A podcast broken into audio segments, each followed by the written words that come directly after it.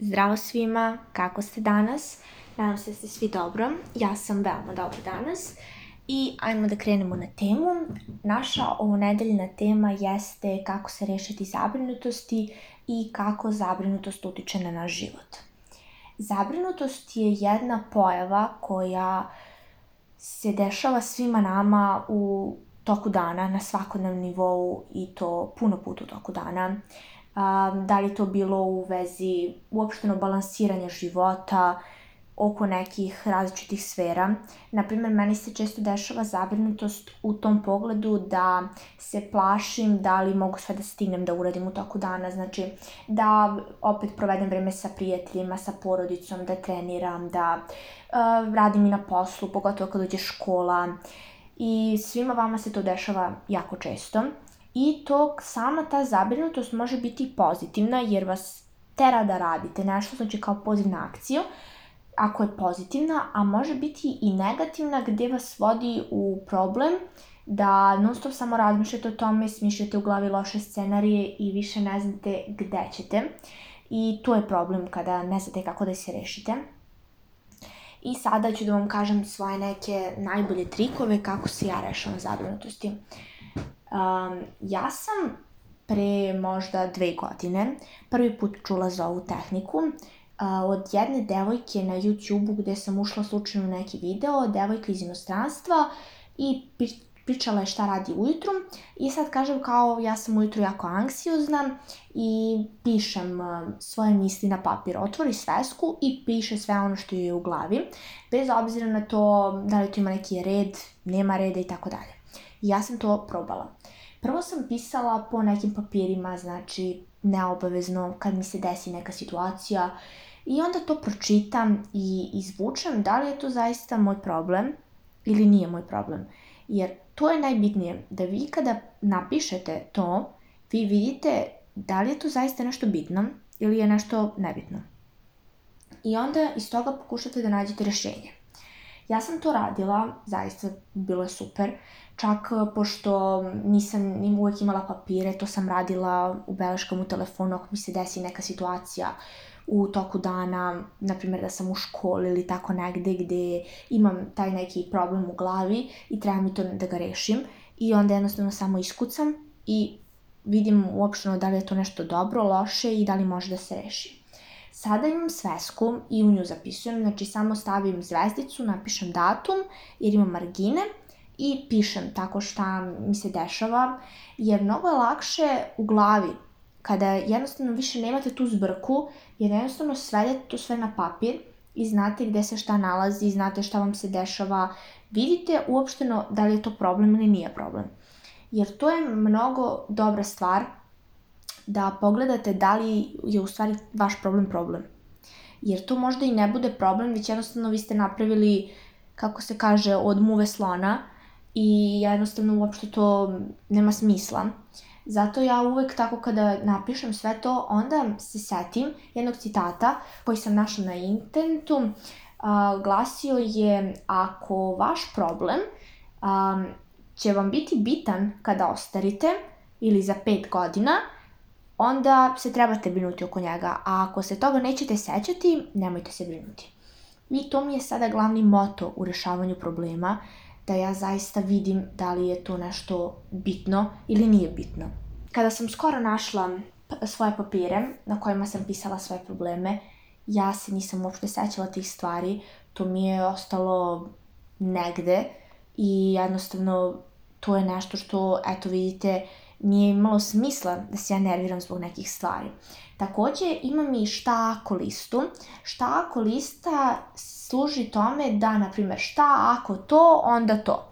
Na primer, imam izlazak i sada šta ako mi e, drugarica otkaže izlazak. Na primer, meni je to problem. Šta ako mi drugarica otkaže izlazak? Jer, na primjer, to je neka dalja drugarica s kojom se ne vidim često, jako želim da se vidim sa njom i sad šta ako? I onda ja kad to zapišem, ja odmah znači postavim sebi pitanje šta ako mi drugarica otkaže izlazak i onda mi u glavi dođe pa izaći ću sama, zašto da ne, zvaću nekog drugog, eto drugo rešenje. Treće rešenje je možda pročitat ću knjigu i ostaću kući, gledat ću neki film i tako dalje. Znači ta šta ako lista mi pomaže da logički razmišljam. Takođe, nešto što isto koristim za rešavanje problema jest da problem napravim, da od problema napravim cilj. To je zaista jedna od najboljih stvari koje sam čula, koju sam videla i zaista to je nešto otkriće života, da tako kažem, a, gde ja svoj problem napravim u obliku zadatka. Eto, na primjer, da kažemo da imamo taj a, na primjer, um, da izađem sa drugaricom, znači taj problem je ako mi je drugarica otkaže izlazak i sad moj cilj jeste da ja izađem sa njom. Znači, to je prvi cilj kao da ja izađem sa njom, šta mogu da radim da mi ona ne bi otkazala, a drugo je šta da radim ako mi otkaže, znači šta ako mi otkaže, a ovo je da mi ne bi otkazala, znači da ne bi došlo do tog problema da mi ona otkaže. Um, I onda to rešavam kao zadatak, pravim plan od toga. I sad, na primer, prvi cilj nam je da ona mi ne otkaže, onda jednostavno prvi korak mi je pitati je. Pošaljem poruku i lepo je pitam da li ćeš izaći sa mnom, kaži mi ranije da bih znala, jer planiram nešto drugo, itd. Da. I eto, na primjer, to je rešenje prvog cilja, a sad drugi cilj, na primjer, šta ako mi otkaže? Ok, ako mi otkaže, već sam nabrojala šta bih uradila i super Ja sam sada mirna jer nemam više problema. Jednostavno u mojoj glavi postoje dva rešenja. Ovo će da bude ako idemo, ako ne idemo, ok, imam alternativu. To, na primjer, često radim kada idem u školu i kada imam neki najavljen test za nedelju ili za dve. I onda umesto da se ja sada nerviram za taj test koji dolazi, ja imam puno lekcija, ja sednem i lepo vidim šta ću da imam na tom testu i onda napravim plan učenja, svakog dana, na primjer, učim po jednu lekciju i kada dođe dan testa, ja se ne nerviram zato što sam spremna, jer sam sve naučila. I to mi je sve lepo sleglo i tamo sam super. To je zaista ja, nešto što je jako bitno da gledate um, rešenje tog problema kao logičko rešenje zadatka. Znači, bez emocija, bez ičega. Uh, To sam kod uh, Dragane sa kanala Vezi one bez veze čula u jednom videu gde kaže um, kada odete u galeriju, ako nabijete nos u sliku, vi ne možete vidjeti ništa, ali ako se odaljite, vi možete videti celu sliku. To je, na primjer, uh, da se odvojite od emocija. Um, ako ste da previše emotivni prema tom problemu, ako je to nešto što vas zaista emotivno pogađa, vi ne možete vidjeti objektivnu sliku rešenja, već morate da odvojite emocije i da pogledate lepo u tu celu situaciju. Eto, na primjer, taj problem sa drugaricom. Ako sam ja previše emotivna, ona će da mi otkaže, ona mene ne voli i tako dalje. To su emocije. To je znači on, emocije odbacivanja itd. da sada ne nabrajam. A, I onda, kada ste previše emotivni, onda ste vezani za nju i to će vam mnogo povrediti. A u stvari, ako vam drugarica otkaže, ne mora da znači da vas ne voli, da vas odbacuje, već jednostavno ili ima nešto ranije planirano ili jednostavno devojka želi sedeti kući i ne raditi ništa. To je sasvim okej. Okay. Zato odvojite emocije i gledajte rešenje problema logički i analitički, znači kao matematički zadatak, skroz po pravilima. To je, na primjer, meni jako lako, jer ja sam u suštini jedna jako logička osoba i ne volim um, da kažem da mnogo ubacam emocije u svoj život. To se vidi kroz moje tekstove koji, obično mi ljudi kažu da su mi tekstovi jako suvoparni. Ne sada na Instagramu kao u ovom smislu, nego u smislu sastava i jezika i tako dalje, da su jako suvoparni, puno je informacija, logika i tako dalje. Ali ja zaista nisam emotivna osoba i meni je mozak glavni organ razmišljanja. I još šta imam da podelim sa vama, a to jeste da vas briga ne vodi ničemu. Briga je nešto što uh, je kao stolica za ljuljanje, što sam baš podelila taj citat na svom Instagram profilu, gde vam daje, znači stolica za ljuljanje vam daje da nešto radite, eto klatite se napred nazad, ali vas ne vodi nikuda. Tako isto i briga u glavi, nešto se okreće u glavi, razvija se, ali vas ne vodi ni u kakvu akciju u nešto da radite. A, isto takođe postoji jedna, da kažemo, kra, e, kratka priča a, e, na temu a, da ako držite čašu u ruci pola minuta, minut, ništa vam neće faliti, ali ako je već držite 5 minuta i 10 minuta, ruka će vas zaboleti.